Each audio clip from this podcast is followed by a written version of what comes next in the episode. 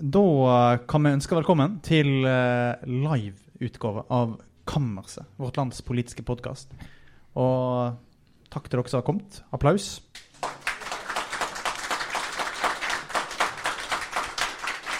Og ikke minst uh, det strålende panelet her, uh, som er med her. Berit Aalborg, politisk redaktør. Lars Inge Staveland, nyhetsredaktør. Og ikke minst Norges kanskje mektigste I alle fall mektigste kristensosialist. Eh, Kirsti Verksø. Hei. Velkommen. Hjertelig.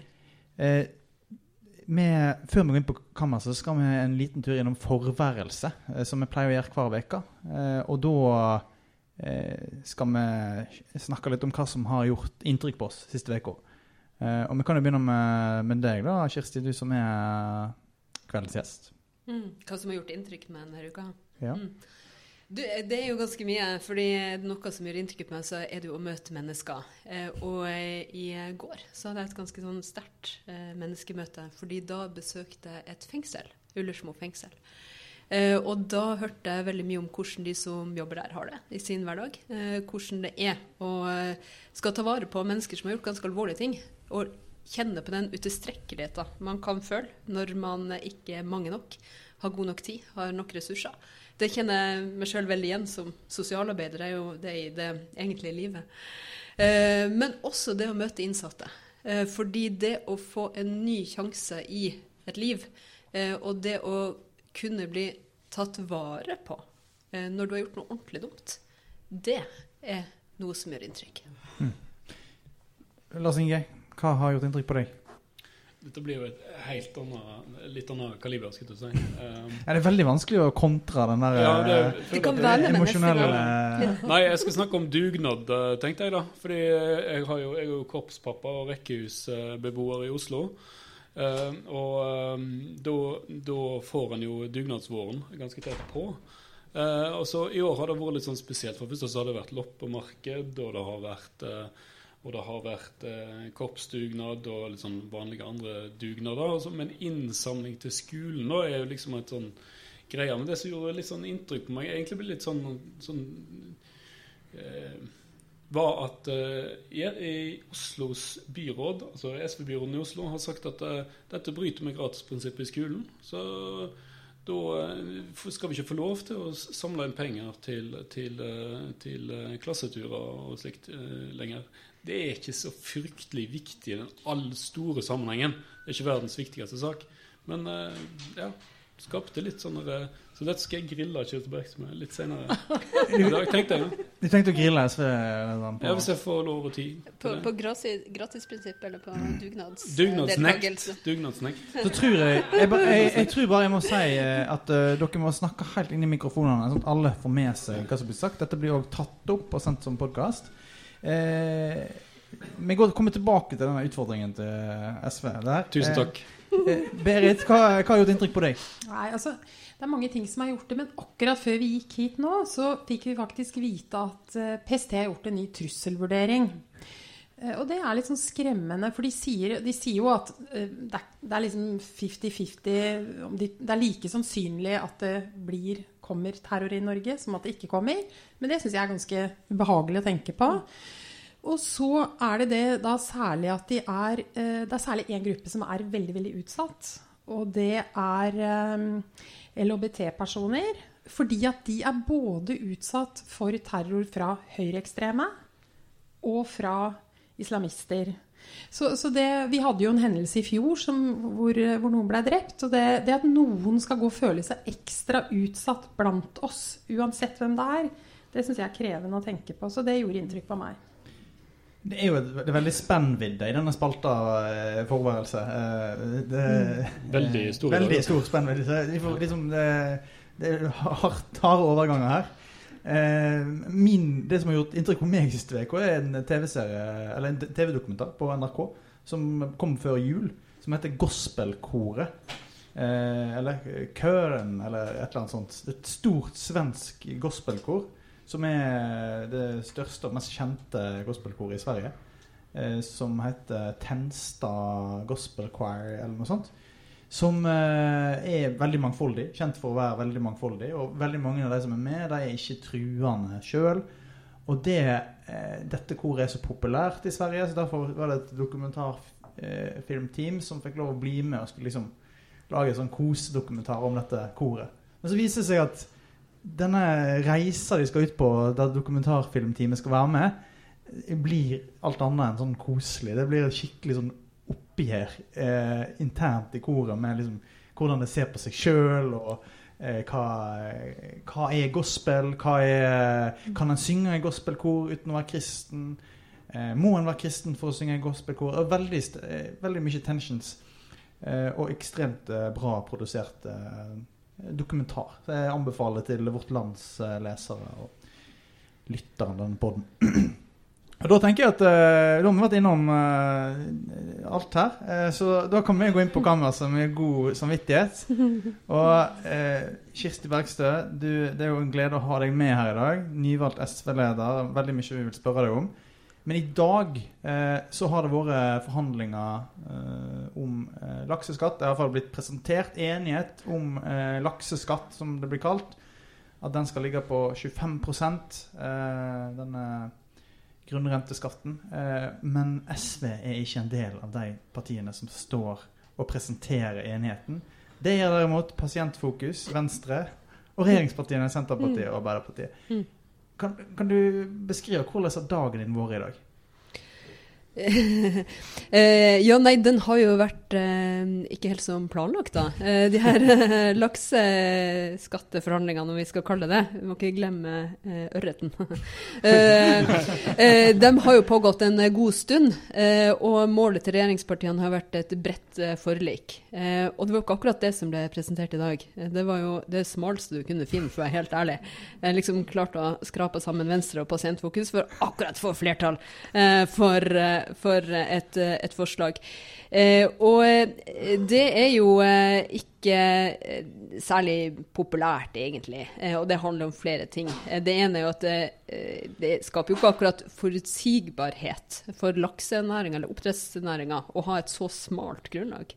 Fordi, fordi, er det noe som, som, kommer til å skje fremover, så er det jo at denne avtalen må røres med på et vis. Nå så vi jo at eh, aksjene bare wort, føyk i været. Så eh, Fredriksen og Witzøe de eh, har nok eh, tatt ut eh, mer sjampis fra sitt, sin kjøler enn jeg kan registrere i det rommet her. Eh, men det er ikke sikkert at det er grunn til å sprette den i all evighet, fordi det er et ganske skjørt flertall. Mm. det må jeg si. Og så er det spesielt å liksom gjøre opp inntektssida av et budsjett med noen andre enn det man eh, skal prøve å men, lage budsjetter med. Hvor lenge har du visst om det, at de kom til å gå den veien? Eh, vi, vi ønska jo å eh, gå en annen vei. Mm. Fordi vi ønsker jo konstruktive forhandlinger. Og for oss så handler det ikke om den prosenten. Det var ikke det viktigste. Vi ønska både en fordeling, men også miljø. Eh, så bl.a. Krav om at man skal sette torsken på, på, vent. Ikke dele ut mer eh, muligheter for oppdrett av torsken før man har konsekvensutredet det. Sånne type, eh, type, ting mener vi at det var rom på for å, for å, kunne bli enige om. Så på mange måter så opplever jeg at vi hadde en, noen regjeringspartier som aktivt søker, søkte en annen plass. Men, men sier, sier, du nå at SV kan bidra til at den 25 stå, og skape den stabiliteten du Jeg sier at vi ikke har noen planer om det. Nei, du sier at prosenten er ikke et problem? sier du. Jeg sier at eh, vi kunne landa enighet der eh, vi ikke hadde den prosenten som vi ønska, men vi ønska flere miljøkrav inn. Eh, så det er, ikke, det er, ikke, nødvendigvis prosentene man skal gjøre seg vanskelig på. Eh, man må gi og ta i en forhandling. Det må man alltid gjøre. Mm. Eh, men, eh, men, men, vi var ikke med på, på, det som ble enighet om i dag, for det var rett og slett i sum for dårlig. Jeg tror det, ja. Og, og, og, bare hvis du kan ta oss med altså, eh, Vi prøver jo her eh, i denne mm. podkasten å komme liksom bak kulissene i politikken. Og hvordan ser en sånn dag som dette ut, sånn liksom helt konkret på kontoret ditt på Stortinget i dag, eh, Kirsti? Uh, vet du hva? Uh, det er ikke alle scener man kan trekke alle inn i. det, må jeg bare si. Men jeg kan uh, si som så at når det er tette forhandlinger, og vi er klar for sene netter og intense tak, da er det en ting vi har på nok av, og det er godteri. Så, fordi vi har sånn berg av godteri. fordi det å forhandle på, på liksom tom mage og, og det, det, gir dårlig stemning. Så jeg skal love at det ble revet opp et par sånne godteposer. Eh, og så måtte vi jo eh, forholde oss til at regjeringa ønska eh, en enighet der, der vi ikke var en del av. Berit, eh, når vi nå ser hvordan eh, SV blir behandla av regjeringa i dag, hva, hva, konsekvenser tror du dette får? Nei, altså Spørsmålet mitt er jo om de på et eller annet tidspunkt liksom bare kommer til å si at OK, regjering, nå har dere gjort opp eh, inntektssida, eller deler av inntektssida, med Venstre og pasientlista. Hva koster det på en måte på den andre sida, eller vurderer dere å si sånn Kanskje dere kan gjøre opp resten med dem også? Altså det, det, det, det, er ikke vår plan å gjøre det. Vi ønsker jo å, å gjennomføre de reformene vi tross alt driver mm. frem fra Stortinget og i opposisjon. Eh, fordi det er kjempeviktig at alle unger får være med på leken, at vi fortsetter jobben for, for gratis SFO. Eller AKS, som det heter i Oslo. At vi eh, jobber på for å få eh, Men det blir jo litt dårligere stemning mellom dere og regjeringspartiene? Utvilsomt. Noe annet ville vært en løgn. Ja, og det farer ikke jeg med. Nei. Nei. Eh, så her har jo de valgt eh, å søke et veldig smalt fellesskap eh, for eh, å få på plass en enighet. Men vi har tenkt å eh, søke eh, brede allianser. Så når denne saka skal be behandles på Stortinget, så kommer vi til å legge frem og stemme for det som var det opprinnelige forslaget fra regjeringa. I tillegg til noen miljøting.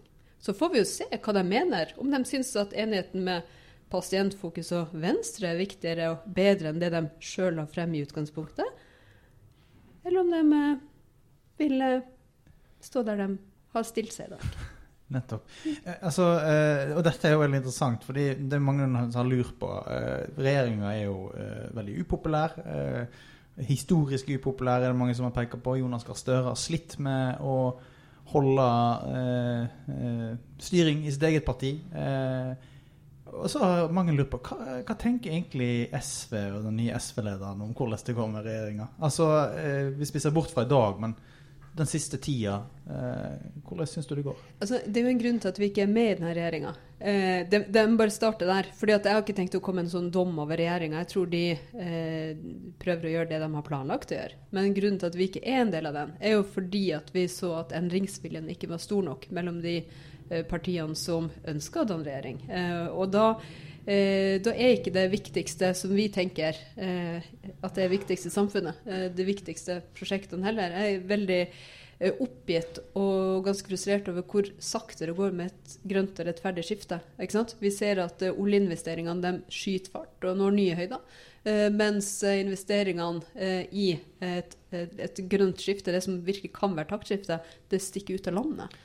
Det er en veldig alvorlig situasjon. Tror du, tror du at Jonas Gahr Støre kunne hatt det bedre med dere inne i regjeringa? Sånn som du ser det? Jeg tror vi hadde hatt en politikk for uh, tydeligere uh, En tydeligere politikk for miljø og fordeling. Uh, det er jo det vi jobber for i alle de forhandlingene vi har med regjeringa. Alle de mulighetene som, som kommer. Eh, og Det var jo også eh, målet vårt med forhandlingene om, om lakseskatt. Så hva var det egentlig da som skjedde, når du sier at du ikke så endringsvilje fra regjeringa?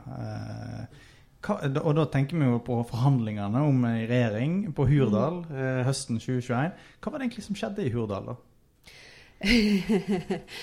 ja, altså det som, det som skjedde der, eh, det var jo at, eh, at vi eh, så at vi ikke ville nødvendigvis um, um, nok. Eh, de ikke ville nok av det som må gjøres. Fordi uh, under de, de, blå årene med en blå regjering så, så, så vi jo at velferden eh, ble satt under angrep. Arbeidslivet satt under press. Eh, at forskjellene økte. Mm.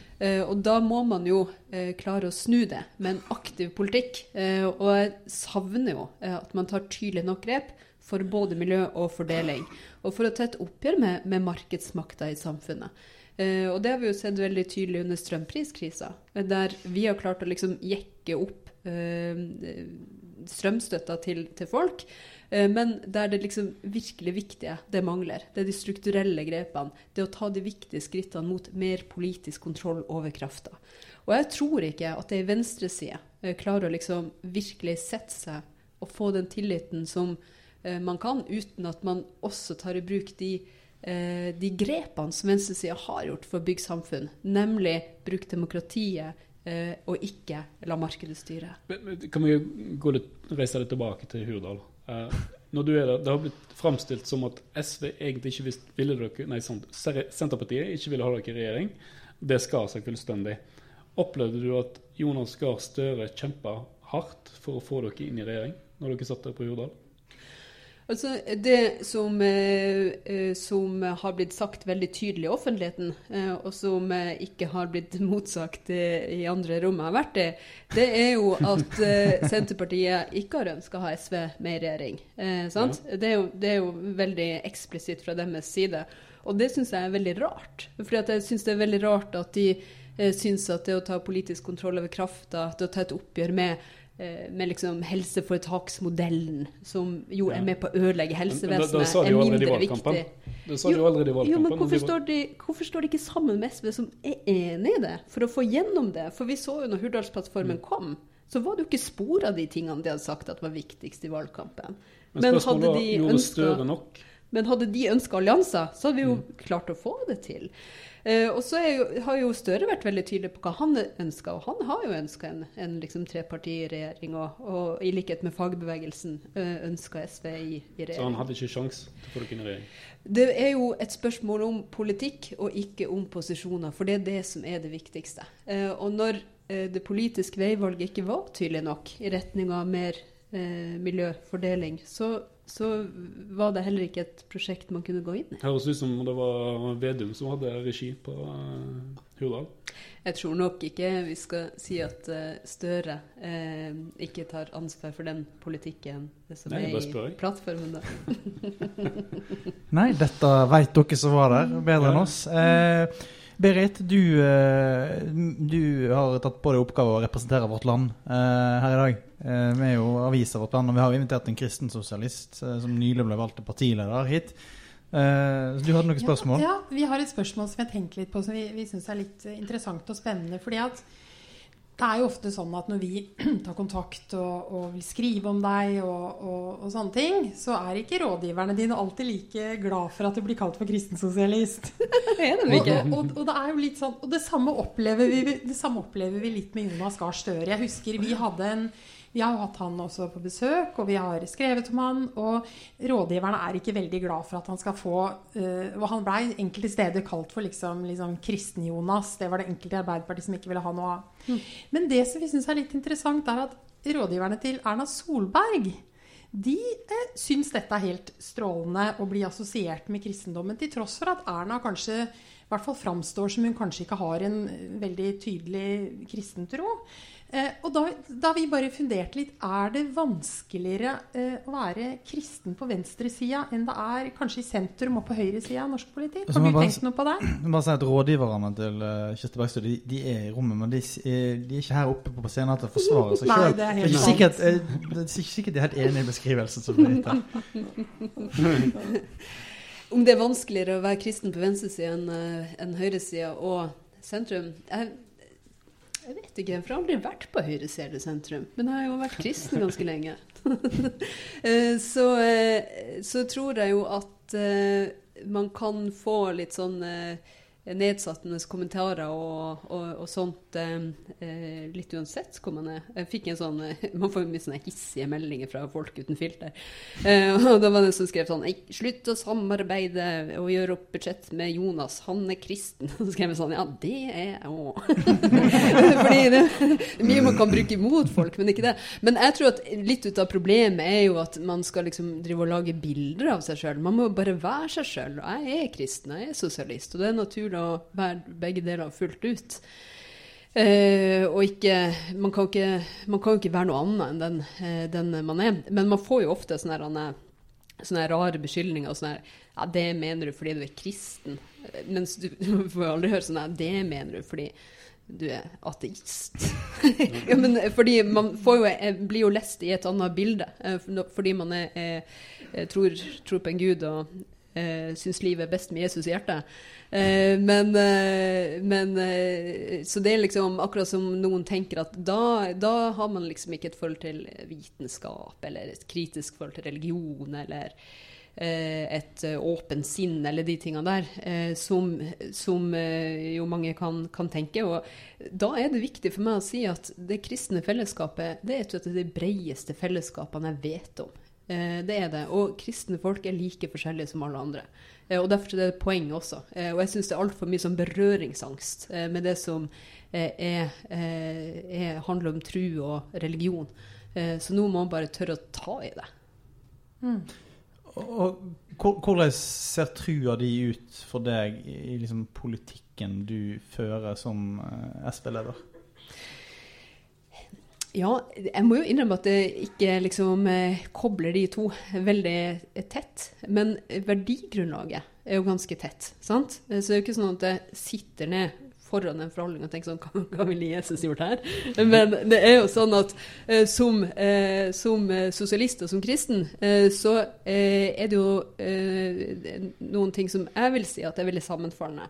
Og det handler jo om kampen for eh, et samfunn der alle skal stå med rak rygg, eh, og ikke krympe seg, eh, føle på skyld og skam med hua i handa. Eh, og den kampen mot eh, at noen skal bli satt utenfor eh, i et samfunn som vi kan eh, dele og skape i lag, eh, det- tenker jeg at det er veldig sånn sammenfallende eh, verdier. Og det eh, er jo mye av det kampen mot økonomiske forskjeller eh, for eh, for verdighet eh, handler om, og også vil jeg si miljøkampen.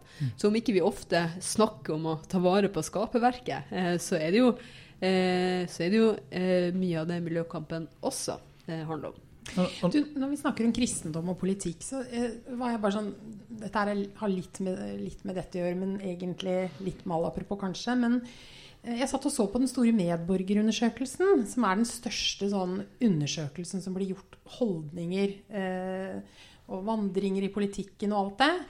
Og det som jeg syns var ganske interessant jeg, KrF har jo falt ganske mye de senere årene, og kanskje særlig etter sidevalget.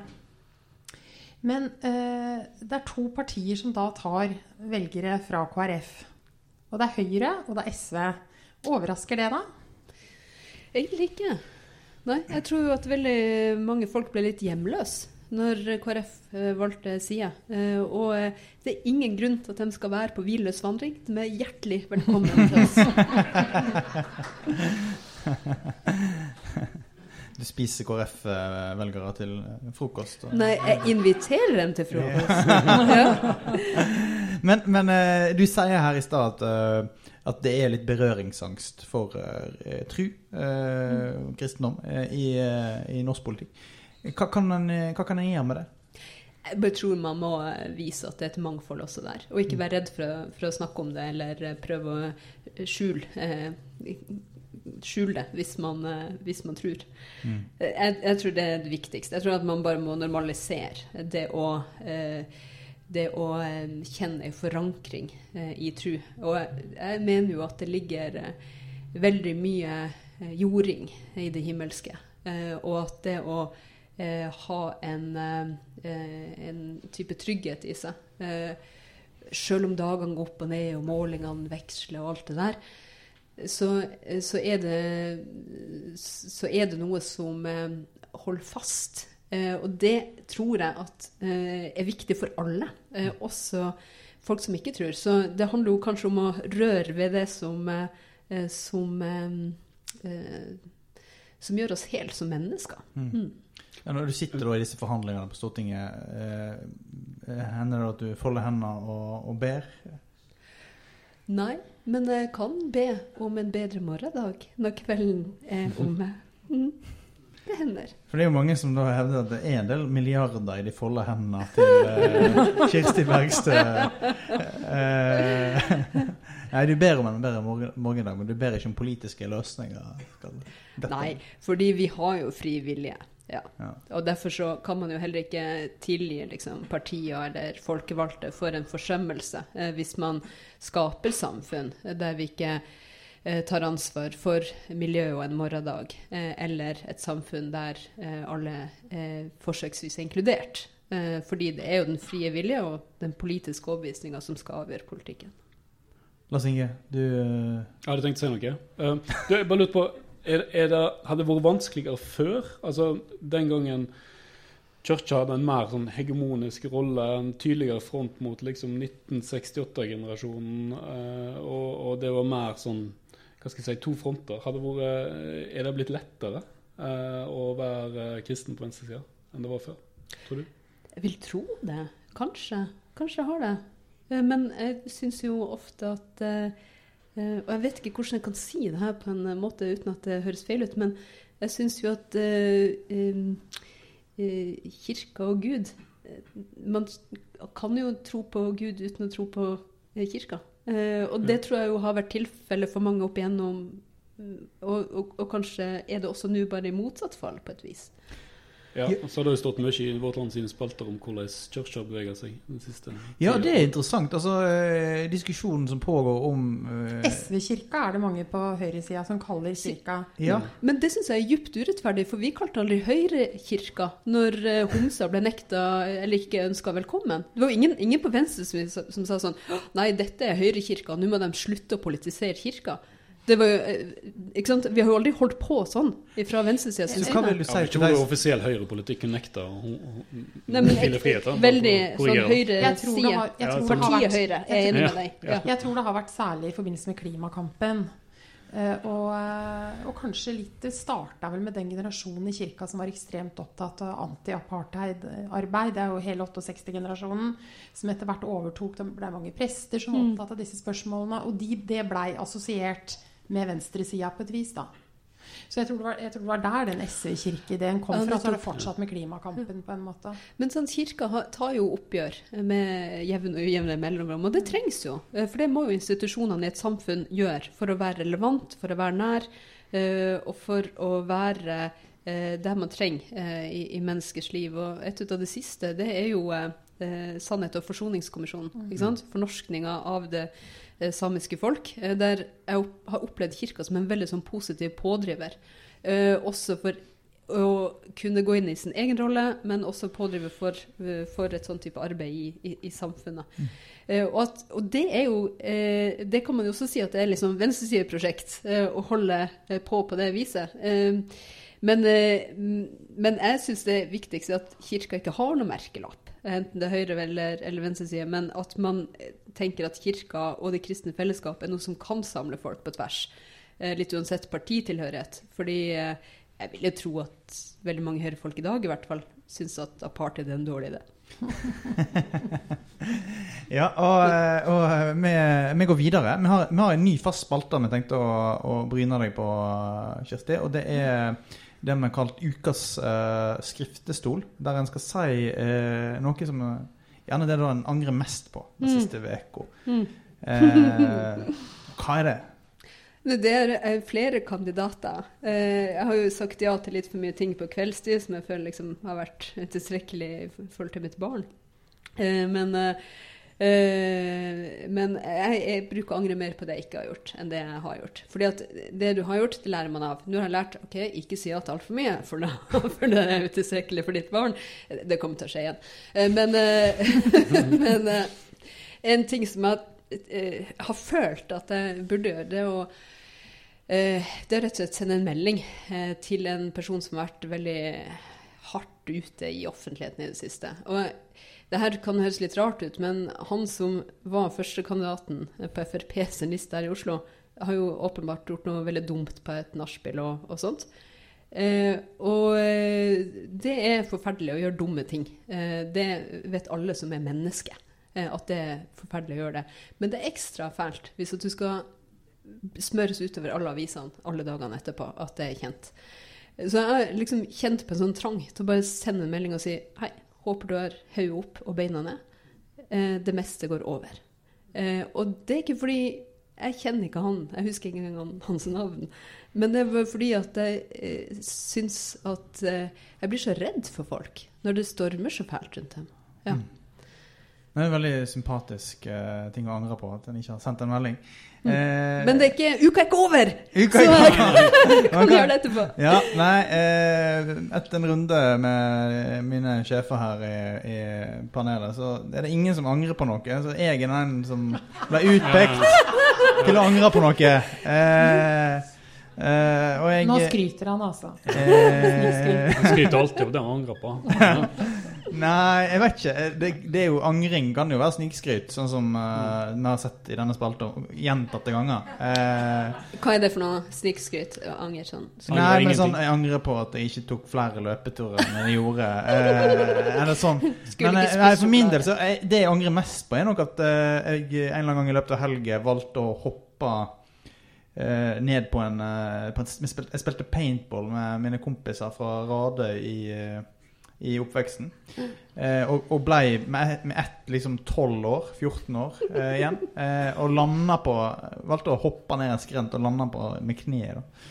Så jeg får ikke sprunget så mye som jeg har lyst til å springe. Eh, så det er Det var en snikskritt. Var er. Men eh, kan jeg spørre om det, da? Eh, Hvor liksom mye våkna din indre tolvåring når det kom et svært hangarskip til Oslo? Veldig. Og det er vel andre ting jeg tenkte jeg nå kan si at jeg, jeg angrer på. At jeg liksom ikke svømmer ut dit og får bare få lov å bli med opp og se på det skipet. Sjefen vår Sjefen eh, vår kan si det. Bjørn Ja. Bore han var der ute i dag, og, og han sendte opptil flere selfies eh, fra ulike plasser i dette skipet. Så han nå ble jo på en måte tolv år igjen, eh, så det ut til. Bare sjekk Facebook-kontoen. Ja, sjekk Facebook-feeden til eh, Bjørn Bore. Det, sånn, det, det er mange sånne angrende militærnektere som har skifta Facebook-bilder den siste tida. det, er den, eh, det er den gladeste hauken jeg har sett på en stund. Ja, Eh, Men det er jo litt rart, da. Det er sånn å nei, atomreaktor driver denne båten og kriger veldig fælt. Men det er svær båt! Klarer ikke å la være! Det er veldig bra. Eh, veldig, veldig bra. Eh, vi har jo blitt lovt eh, Vi har jo lovt leserne eller, og lytterne at vi skal liksom inn i kulissene da, igjen. eh, Prøve å dra oss inn dit. Og da sier jo du at ikke alle rom eh, alle skal, Eller alle scener alle skal inn i. Men én scene som har, eh, som har blitt med oss gjennom denne våren, er jo eh, din landsmøtetale. Ja. Eh, der du står og tar et ganske ramsalt oppgjør med eh, Kjell Inge Røkke Røkke. rana kysten. Røkke-Rana-kysten og Røkke kan Ryke og reise. Eh, og da lurer vi på ble, Hva skjedde når den talen ble til? Hvordan satt dere og skrev denne talen? Altså du og skrev denne talen? Altså, det kom jo rett fra hjertet. Og litt fra levra. Ja. Eh, men eh, det, eh, det handler jo rett og slett om eh, spørsmålet rundt det å flytte til Sveits for, for å slippe å betale noe tilbake til det norske fellesskapet. Eh, og så er det klart at eh, vi som kom fra nord, vi har én erfaring med Røkke. Mens mange som jobber på verft i dag og har liksom vært i, i Røkke-eide selskap, eh, kan ha en annen erfaring. Eh, og vår erfaring det er jo at han tjente seg søkkfull av penger eh, på å eh, rett og slett eh, eh, få kvoter på billigsalg. Ikke levere tilbake til kyst, eh, fisken tilbake til kystsamfunnene. Vi mista tusenvis av arbeidsplasser. Vi fikk grana den viktigste ressursen vi hadde. Og så stakk han. Og så selger han seg ut. Og så, når han har liksom blitt så rik av det norske fellesskap sine ressurser, så tenker man at det er riktig å stikke av gårde til Sveits for å ikke betale tilbake til det fellesskap som ble deg rik. Og da, da, eh, da eh, er jo Hadde han tenkt på å flytte, men ikke dratt, så hadde jeg bedt han om å bli. Men når han først har reist, så eh, var jo budskapet mitt at han godt kunne reise og ryke for min del, men kvotene og verdiene skapt av det norske samfunnet burde bli igjen.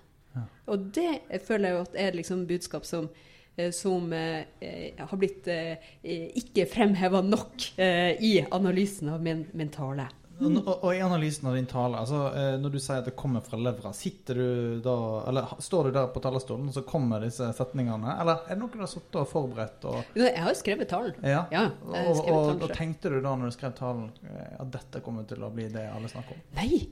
Nei, det tenkte jeg ikke på i det hele tatt. For, nei, Så det syns jeg var litt overraskende. At folk skulle henge seg så voldsomt opp i det. Men, men Det- dette du sier du nå, at dette var liksom en, en hva skal jeg si, en, et inntrykk fra Nord-Norge, mens andre kan ha et inntrykk Er det en slags etterrasjonalisering? som Så du tenkte på etterpå, eller? Eh. Eller var det rett og slett en tale til nordlendingen i salen? Eh, Det eh, handler om hva er det som har skapt verdiene, eh, Ja. som han liksom har kunnet kjøpe seg opp og bli enda rikere av. Eh, Men nå, nå er jo ikke Kjell Røkke her for å forsvare seg. Han kan komme senere en gang, kanskje, Emil. Ja, Men, Ja, kan Eh, men Veldig bra med den jo- skriftestolen, da. Ja. Nei, men altså, jeg, vil bare si, for å forsvare han, han, han litt altså det, på, på Vestlandet så vil jeg tro det er ganske mange sosialister, kanskje folk på SVs landsmøte òg, som ser på han som en uh, industribygger. Og som du sier, han har kjøpt av mange uh, verft. Ja. eh, ikke sant? Du må komme litt nærmere mikrofonen. Sånn, mm. Um, men altså, det er en del av venstresida, det òg. De som jobber på verftene til Røkke, eh, og de som har et annet inntrykk av han. Kanskje var skeptisk i starten, eh, men som har eh, fått et litt annet inntrykk av han etterpå. De som er vant med å se han i korridorene på, i, i LO, der han vet hvor han skal gå, og, og den type ting. Det er en del av venstresida, det òg. Var det ikke en risiko for at du skyver det fra deg? Men han har forlatt dem òg. For de har aldri Sier Nordland Nei. SV? Nei, eh, fordi Nei, Røkke, sorry. når han velger å flytte ut av landet vårt for å, ikke, eh, for å ikke bidra til det samfunnet som hans arbeidsfolks barn skal vokse opp i, gå på skole i, der de skal kjøre på veiene og ta del i det samfunnet som har gjort han rik, så forlater han dem òg. Eh, og det er jo det jeg kritiserer. Eh, at mennesker som har blitt Ja, det skjønner jeg. søkkfull av penger eh, i Norge, som har latt dem bygge opp formuen, drar fra Mm. dem på det viset. Jeg har ikke kommet med noen personkarakteristikk av han. Eh, det har jeg blitt beskyldt Nei, for. Det har jeg aldri gjort. Jeg har sagt at, eh, at for min del skal han liksom dra sin vei, eh, men at eh, verdiene som er bygd opp av norske samfunnet, Ble burde du blitt igjen. overraska over reaksjonene på den talen? Ja, jeg syns at det var veldig mange tynnhuda folk som kommenterte den, altså. Det, det må jeg bare innrømme. Ja. Men, men du, Ville du gjort det igjen, eller? Altså, jeg har ikke jeg, Det er en grunn til at jeg, jeg, har, jeg har ikke angra på den talen. Jeg har ikke angra på den talen. Eh, men eh, det jeg syns var fint, det var å få en mulighet til å fortelle kystens historie igjen. I hvert fall for de som valgte å trekke det øret, eh, legge det øret til. Fordi den er for tida, og det er et ressursran som har foregått over tid. Og Derfor er det også et kystopprør på gang som handler om at det som er den viktigste ressursen i kystsamfunnene, fisken, den skal tilhøre kystfolket. Den skal landes i de samfunnene og være med på å bygge samfunn. Eh, og det er et oppgjør som ikke er tatt på skikkelig vis. Men du, eh, kan dette, altså den reaksjonen på at du sa det Jeg har tenkt på litt på For det var jo en voldsom reaksjon. Vi registrerte jo det alle sammen. Eh, Kan, den ha, kan det ha noe med å gjøre at det var jo en diskusjon før du ble valgt eh, som SV-leder, hvor noen mente at eh, kanskje andre deler av partiet var litt mer pragmatisk, at du kunne være litt mer dogmatisk, at du tilhørte venstresida av SV. Tror du at det kan ha noe med den beskrivelsen av deg å gjøre at reaksjonene blei såpass sterke? Det må du nesten spørre dem som reagerte så fælt om. Ja. Ja, Jeg forstår at ikke du kan svare på det. Jeg har bare tenkt på om det kanskje hadde noe med det å gjøre. Nei, det kan godt, eh, det kan godt hende. Og så er det ofte sånn at når du tar ut et bitte lite klipp fra en lang tale, så kan det se veldig hardere ut enn hvis du hører sammenhengen ting blir sagt i. Og så tror jeg at litt handler om kultur og geografi. For jeg har jo hørt eh, folk komme med de villeste påstander om hva ryk og reis betyr. Og det eh, Ikke sant? Noen liksom mener at det handler om å sende folk der ilden aldri slukker. Eh, og, og sånn eh, Hadde jeg villet si det, så hadde jeg sagt det, men jeg snakker ikke sånn om folk. Men du, jeg sa jo til deg i stad at jeg hadde så veldig lyst til å komme litt inn på at du er nordfra. Jeg er nordfra. Vi er vokst opp omtrent ikke så langt unna hverandre, Ja. selv om de ikke hører så godt på meg. I Øst-Finnmark. Tror du at noe av din liksom, språkbruk, som for noen kan høres ganske hard ut, har noe med liksom, dialekta di, eller at man snakker litt mer rett fra levra jo lenger nord man kommer? Ja, absolutt. Helt definitivt. Sant? Eh, Jeg føler meg alltid som et sånn vandrende sverd når jeg er på Sørlandet. og det er fordi det er sånn eh, Du kan stå i en kø og så si noe sånn 'Unnskyld meg, men jeg tror kanskje at du står på beinet mitt. Det hadde vært hyggelig om du bare kunne flytte deg litt.' Grann. Eh, og så eh, høres, får de liksom det til å høres ut som et kompliment, nærmest. Eh, at du har tråkka på dem. Eh, så det er jo svært Og det er jo det som gjør Norge så deilig, og fantastisk, mangfoldig og vakkert. Vakkert. ikke sant? Det er ikke bare naturen og fjellene og fjordene, men det er jo folkene. At vi er bærere av liksom ekte liv og kulturen vi kommer fra. Eh, og der er jo også eh, ord eh, og språk og bilder eh, noe annet. Ja. Du må rett og slett øve, liksom øve opp norske befolkning på liksom å Være litt mindre bli vant til litt finnmarksdialekt. Ja. ja. Så det blir mer Rykreis framover. Ja. Ja, så neste uke skal jeg ha en liste over hvem som kan drite og dra. Nei da. Jeg tuller bare. Det er veldig bra.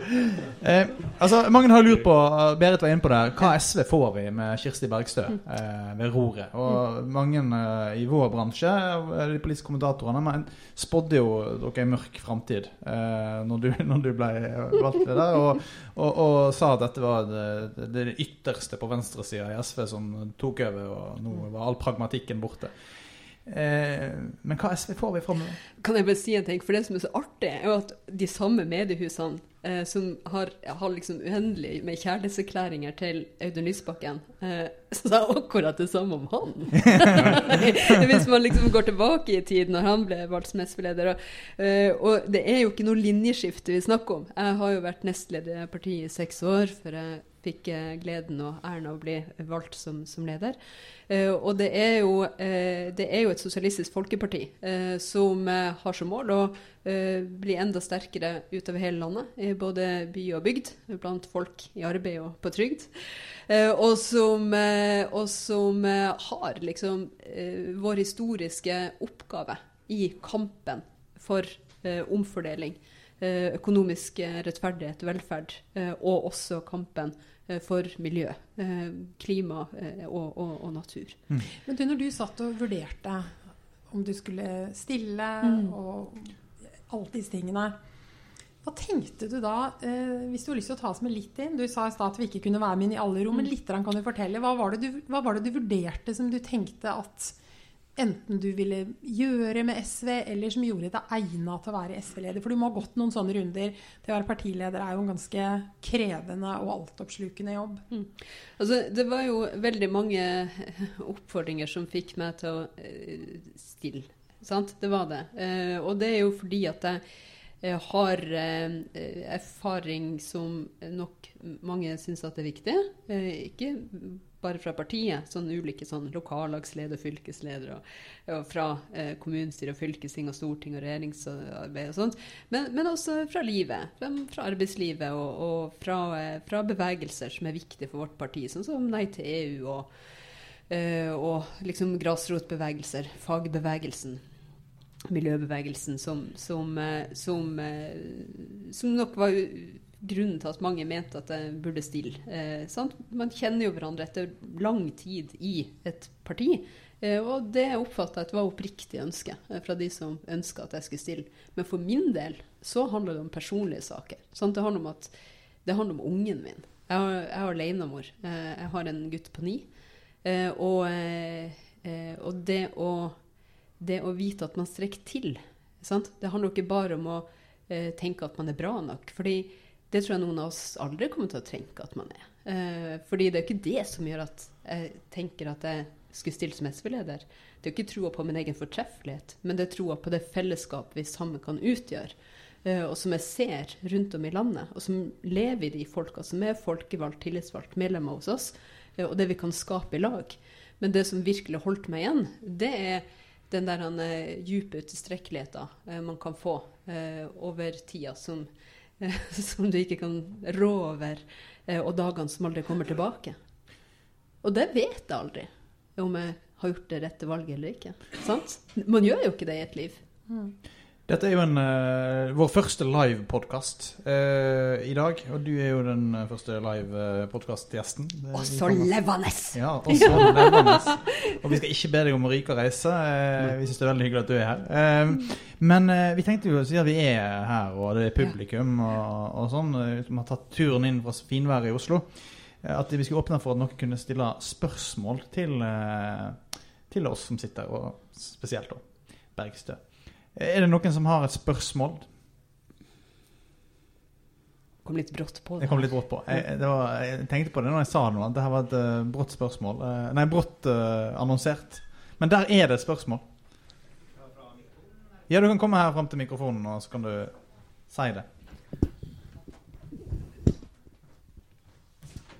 Eh, yes, Litt sånn spørsmål for å følge opp det dere nylig var inne på om å ryke, og reise og røkke osv. Uh, som sunnmøring og far av en bedriftseier, riktignok i mindre skala, så har jeg lyst til å utfordre litt på Hvis Røkke hadde kommet til deg og sagt at han vurderte å dra, hva ville du sagt, og hva ville du gjort for å få han til å bli? For vi trenger jo en del av disse bedriftene for nettopp å løse utfordringene vi står foran. Mm. Ja. Hva ville du sagt? Eh, bare Takk for et veldig fint spørsmål. En god utfordring. Eh, da ville jeg sagt Har du lyst på kaffe? Eh, og så hadde vi satt oss ned, og så hadde jeg spurt han hva skal til eh, for at du skal ville bli. Eh, og hvordan kan vi, eh, kan, kan vi, jobbe for at, for at Norge skal være et sted der, der du fremdeles ønsker å være. og så kan det godt hende at jeg ikke kunne kommet han i møte. Hvis han sa sånn Nei, eh, her eh, Da må du fjerne formuesskatten. Da måtte jeg svart nei, men eh, det betyr at veldig mange av landets aller rikeste vil bli nullskattytere. Så det kommer ikke til å skje. Og det vil heller ikke skje med Høyre, fordi heller ikke dem vil ha nullskattytere. Men vi kunne hatt en god samtale om det. For jeg er helt enig om at vi trenger eh, bedriftseiere. Vi trenger folk som er til stede i lokalsamfunnene. Som et ved samme bordet som arbeidsfolka og som har det hjertet som jeg tror veldig mange uh, der du kommer fra, kjenner at Røkke har hatt for lokalsamfunnet. ikke sant? Der man har bygd stadion, der man har bidratt til, til, til fotballag osv. Det trenger vi. Men det er derfor det er så sårt at han som på mange måter har blitt løfta frem fra Arbeiderpartiet, fått kvota nesten gratis, velger å stikke. Og det er der sviket ligger. Fordi at vi må ha en kontrakt i det her samfunnet der man skal gjøre eh, det bra og, lykkes. Det skal være godt å drive næring. Vi skal ha gode eh, forhold for det. Men da må vi også jobbe for at de som virkelig gjør det bra, også holder sin del av samfunnskontrakten. Eller så går det opp i liminga. Du får ikke vanlige vaktmestere og helsefagarbeidere til å betale en så mye større andel av eh, inntekta si enn landets aller rikeste i lengda, uten at man ser at man også får tilbake. Vi, vi, har hatt en veldig oppheta og polarisert økonomisk debatt uh, gjennom vinteren. Uh, og mange av disse aller rikeste har, har reist til Sveits. Har det blitt drukket for lite kaffe? Altså, har, har det vært for lite dialog med disse? Nei, de har jo ikke oppsøkt dialog. De har jo altså, Røkke har aldri registrert at han sa sånn Nå må vi snakke om vilkårene for næringslivet. Det er, jo, det er, jo, veldig mange som har ratt som rett og slett er kjemperike. Fordi de har eh, store formuer i selskap, i, i eiendom. Eh, og ikke som er liksom, de lokale bedriftseierne som jeg snakker om her. Vi nærmer oss, oss, slutten her. Eh, men eh, mange lurer jo på liksom, hva er SVs plan nå, nå som du leder partiet. Mm. Eh, har du en hemmelig plan om å få partiet inn i regjering og, og skape en rød-grønn flertallsregjering før valget i 2025? Det første planen vi har nå Du må alle holde veldig, veldig nøye etter. Og det, dere er invitert med på den. Den første planen det er å sikre rød-grønne flertall over hele landet, for det trengs. Ja. Det er plan nummer én. Og så er jo eh, det viktig at vi klarer å holde eh, sterke flertall for, eh, for, miljø og fordeling eh, også ved neste, neste stortingsvalg. Eh, for vår del eh, så er det jo et mål å være regjering. Klart vi vil ha mest mulig makt, vi vil ha mest mulig innflytelse. Men det kommer jo også etter 2025 til å være politikken og ikke posisjonene som er avgjørende. Men jeg håper jo at vi kan stå sammen om å ta eh, de nødvendige skrittene for et grønt og rettferdig skifte. At vi kan trygge fellesskapene og, og, velferden og stå sammen om det som tross alt er viktigst. Det er mitt ønske. Når får vi enighet om revidert, da? Bare for å ta det litt ned. Jo, å tro at eh... Altså revidert nasjonalbudsjett? Revidert nasjonalbudsjett, ja. ja. Må inn med faktaboks. Ja. Nå, det er forhandlinger på gang, og vanligvis sitter nøkkelen hos SV. Men nå vet en jo aldri. Kanskje regjeringa går med hele revidertpakka til Pasientfokus og Venstre. Det kan jo skje. Da blir det et fryktelig fint helsehus oppe i Alta, vil jeg tro. Gullforgylt. Eh, ja, det blir, det blir, bra. Men eh, Ja. eh, når får vi Når, når, når må eh, Når blir det en enighet, og hva er viktig for dere? Det som er viktigst for oss, det er å, eh, å gjøre noe eh, som hjelper i den dyrtida vi står i. Eh, fordi det er mange som sliter med å få endene til å møtes nå. Derfor så Justere trygdene, med andre ord. Det er ytelser som må opp. Det er det.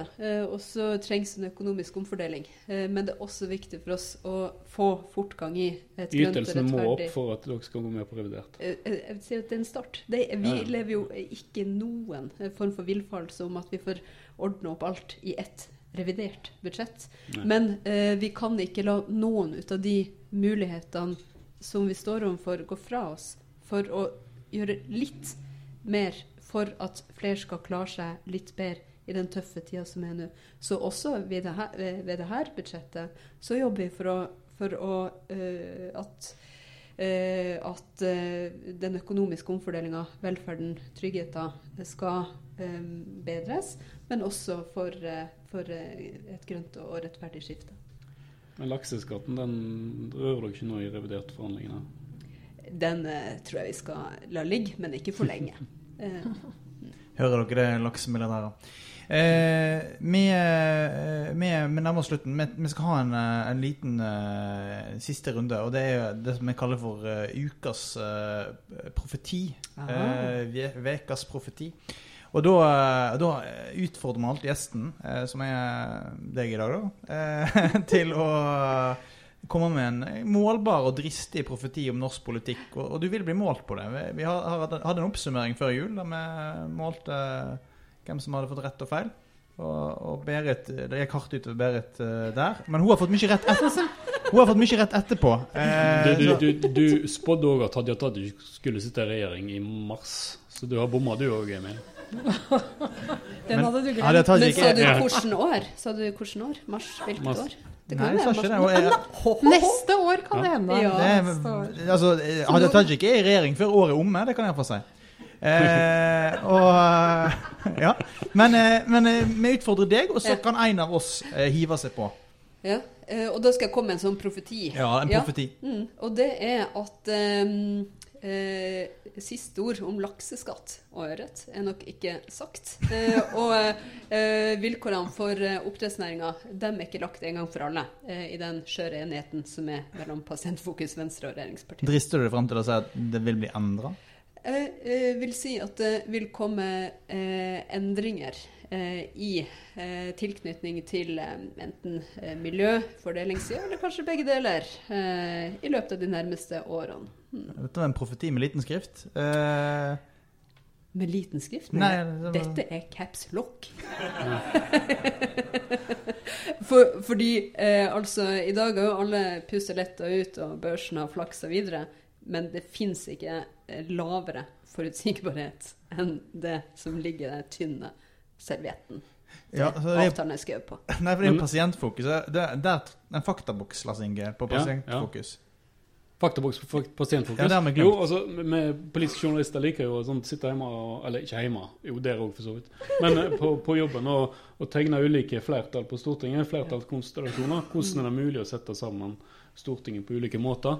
Eh, og så er det jo sånn at eh, det, det er jo derfor vi har et sentrum i norsk politikk, for de kan hente flertall på forskjellige eh, sider. Og sånn som det er nå, så er jo sentrum, altså Senterpartiet i regjering, og da søker en flertall for fra, fra SV. Men i dag var det første gang en fikk et flertall fra et litt mer fra Venstre og Pasientfokus. De har da Er det 85 Ja.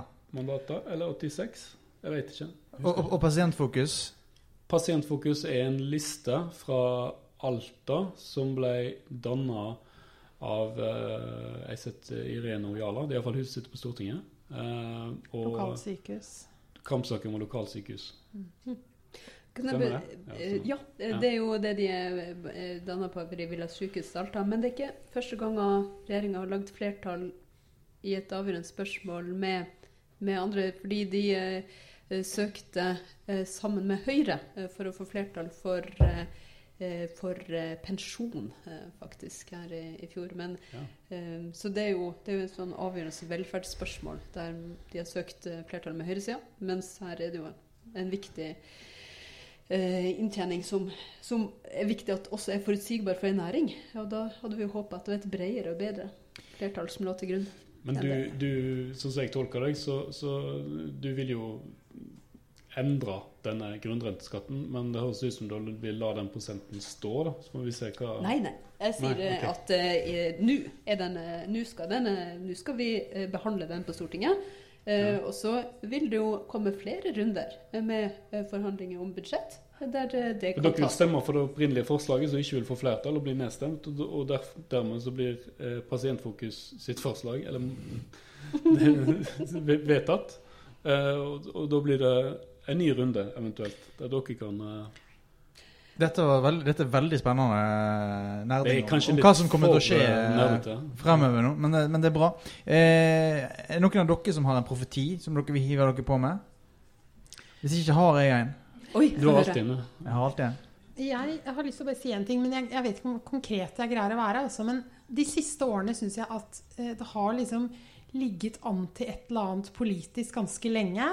Og så syns jeg alltid det skjer noe i oppløpet til valget. Så min spådom er at et eller annet kommer til å skje. Så kommer til å skje. Noe kommer til å Nei, hende. nei, det er ikke lov, det er ikke lov Berit. Jo, nei, det er akkurat Nei. det er det. For nei, de, siste årene, de siste årene har det liksom vært en sånn ordentlig sånn tvist rett før valget. Ah, ja. Nei, det, det, det, er for- vagt, Berit. Ja, nå, nå Det vil jeg kaste meg på den. Ok, ja, men da, da ser Jeg- vi om den kommer, da.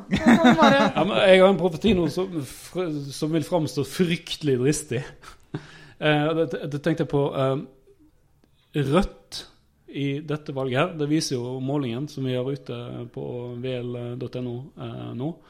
Eh, kommunevalg. Mm. Kommunevalgmålingen. Eh, at Rødt gjør det ganske dårlig eh, i kommunevalget. Eh, eh, til tross for at de får ganske gode målinger eh, nasjonalt. Eh, jeg syns det er litt interessant, for det har vært mye fokus på de røde byene eh, og, og slike ting. Men generelt sett, Rødt, i motsetning til MDG, så gjør det bra på kommunemålingene, eh, men dårlig nasjonalt. Det syns jeg er litt spennende. Eh, du er sikkert glad for det? At Rødt ikke kommer til å gjøre det så bra i kommunevalget, kanskje? Fienden ligger alltid til høyre. Ja, you're right. Ja, det er veldig bra. Veldig bra. Men, men hvor var profetien? Var det at de kom til å gjøre det Ja, ja, ja de, de kommer til å gjøre det dårligere eh, lokalt enn nasjonalt. Ja, den, den, den er målbar. Eh, ikke så dristig. Eh, du får eh, tre poeng. Ja. Altså, hva Får vi se når Hadia Tajik kom inn i regjering. at Rødt gjør det dårlig? Det er det Mm. som er profetien din? Nei, dårligere Dårlig- lokalt Dårligere. enn nasjonalt? Ja, ja, ja. ja.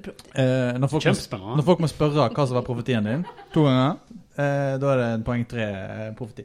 Ja. Neida. Nei, jeg tuller. Eh, på, på lørd, min profeti er at på lørdag så kommer eh, sjefredaktøren i Vårt Land til å bli misfornøyd med kommentaren på side to og tre av avisa. Det behøver du ikke å lure på engang, så det var heller ingen profeti. Jeg har en profeti. Jeg har en profeti. Uh, eh, og dette er en, eh, et, et litt sånn pes på e-post fra eh, litt sånn eh, KrF-ere, som for første gang eh, driver og får hodet sitt over sperregrensa eh, på gjennomsnittet av Poll of Polls sine målinger. De er ganske aktive nå, ja. ja. De de er ganske aktive på å pus, eh, puste over sperregrensa der eh, akkurat nå. Eh, de ligger med vår siste måling, som kom denne uka, der stortingsmålinga viste at partiet lå på 3,7-3,6. Lars Inge? Iallfall godt, godt under. Ja, omtrent der. Eh, kanskje lavere til og med. 3,4. Eh, så ligger fortsatt snittet over eh, over sperregrensa, og det er jeg veldig opptatt av å få fram. Min eh, profeti er at eh, partiet i høstens valg, selv om det ikke finnes noen sperregrense i et kommunevalg, likevel eh, kommer til å komme over 4 Uh, og den er eh, mest symbolsk, dette med den er symbolsk, fordi den er veldig viktig for KrF eh, med tanke på det som skjer i, i, eh, i eh, 2025.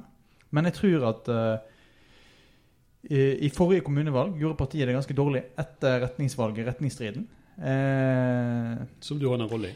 hæ, hva sa du? Som du hadde en rolle i. Ja, som jeg, må- Noen vil si at jeg var skyld i og, Ja, ja, ja. og, og, Men så må vi jo da, før du, før du går videre her, Emil, så må vi jo si at altså, vår sjef Bjørn Bore, han hadde en eh, kommentar for en stund siden som hvor han sa at han ikke syntes det var noen grunn til å ha en ny EU-avstemning, og han syntes det var tull at man hele tiden drev og sa at den unge generasjonen har ikke fått lov til å stemme for eh, EU. Eller, ja eller nei. Og det var da han Og sa nå hvis tok, vi- hvis nå vi tok hadde- eh, Kirsti Bergstø opp til Ja, hun tok opp tommelen. Hvis vi hadde gjort, gått inn, så ville vi ikke stemt, da hadde det vært 20 år. Det skrev han. Og dette hissa da opp Emil så mye, og han satt på jobben og ropte 'Det her mener du ikke!' Han var sånn. Og så sa Bjørn 'OK, da får du skrive mot'. Så det Det er det som skjer på lørdag. Vil du ha, vil du ha EU-avstemning? så nå får vi, nå får vi en, nå får vi en EU-kommentar. Men det er ikke bare EU-avstemning. Det er sånn vi bør gå inn i EU, og det er sikkerhetspolitisk Uten avstemning? Uten, nei, avstemning.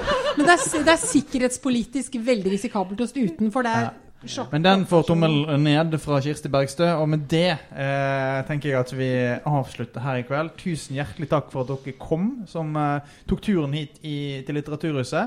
Eh, og dere som lytter på podkasten, dere kan sende ris, ros, eh, tips og innspill på al- eh, e-posten kammersetalfakrøll.vl.no.